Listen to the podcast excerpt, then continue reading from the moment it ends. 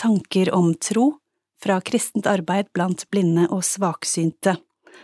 I dag er det Asbjørn Gabrielsen som har tanker rundt Salme 91. Først hører vi Salme 91 lest av Birgitte Bjørnstad. Salme 91 Den som sitter i skjul hos den høyeste og finner nattely i skyggen av den veldige, han sier til Herren, min tilflukt og min borg, min Gud, som jeg setter min lit til. Han berger deg fra fuglefangerens snare, fra pest som legger øde. Under hans vinger kan du søke ly. Han dekker deg med sine fjær, hans trofasthet er skjold og vern. Du skal ikke frykte for redsler i natten, for piler som flyr om dagen, for pest som farer fram i mørket, for plage som herjer ved middagstid. Om tusen faller ved din side, ti tusen ved din høyre hånd, blir du ikke rammet. Du skal bare følge det med øynene og se at de skyldige får sin lønn. Du, Herre, er min tilflukt.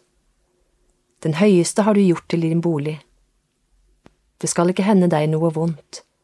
Ingen plage skal komme nær ditt telt for han skal gi englene sine befaling om å bevare deg på alle dine veier. De skal bære deg på hendene, så du ikke støter foten mot noen stein. Du skal tråkke på løve og slange, og trampe på ungløve og orm. Jeg berger ham når han holder seg til meg.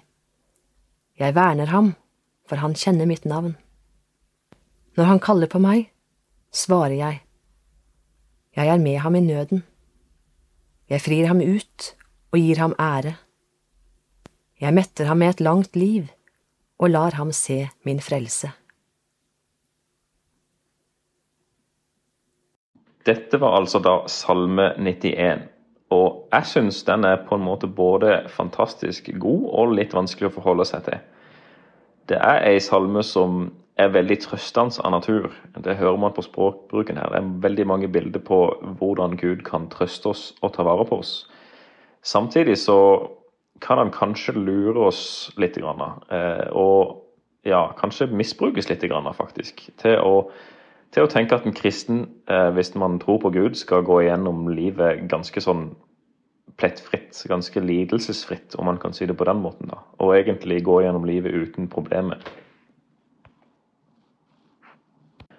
Det fins nemlig ganske mange forkynnere i dag som skal ha det til å være litt sånn at vi kristne skal kunne gå gjennom livet uten å oppleve så veldig mye vondt, hvis vi bare tror godt nok og gjør de rette tingene.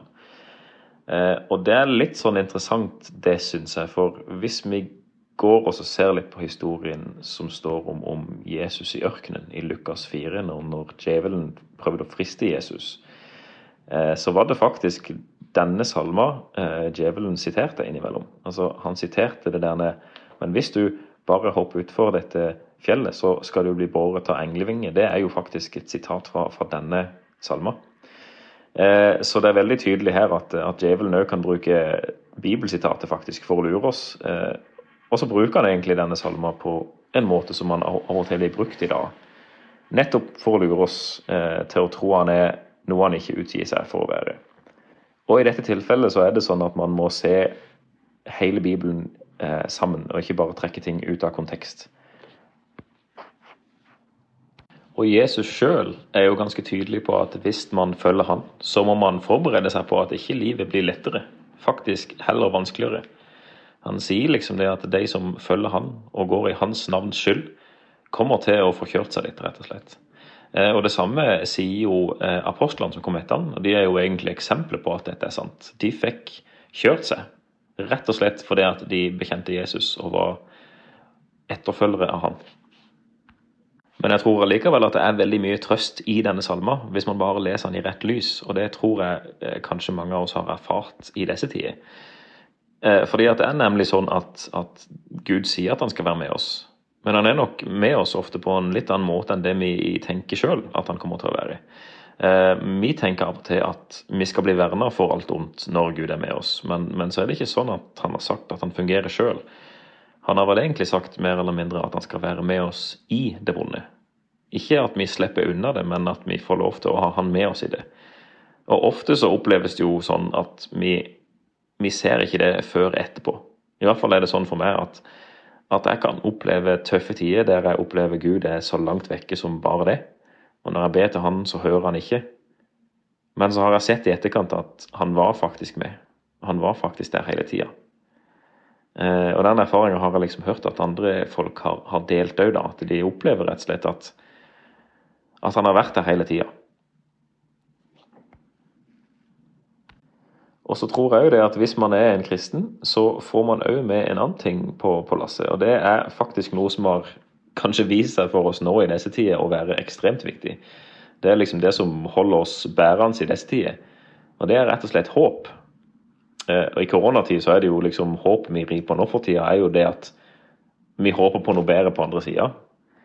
Eh, og for kristne så er håpet egentlig ganske likt. Vi håper òg på noe, noe, bedre på andre sida. Selv om vi går gjennom veldig tøffe perioder her og nå, så tror vi at noen er med oss i den tida. Og så tror vi òg at det kommer en tid der vi ikke skal oppleve noen tøffe tider. Det kommer en tid på, på andre sida av dette livet der vi faktisk skal oppleve et liv uten lidelse. Og det er ganske godt å tenke på når man opplever tøffe tider. Så hvis man leser denne salma litt i dette lyset, at det ikke er ei salme som handler om Gud som skal ta alt det vonde vekk fra livene våre, men at det er faktisk en Gud som skal være med oss i alle de tøffe tidene. Som vi kan be til i de tøffe tidene, og som vi kan stole på er der i de tøffe tidene, så er dette ei veldig flott salme. Det var tanker om tro fra KAB, kristent arbeid blant blinde og svaksynte. Og flere episoder i denne podkastserien finner du på Spotify og i iTunes, eller på nettsiden kab.no.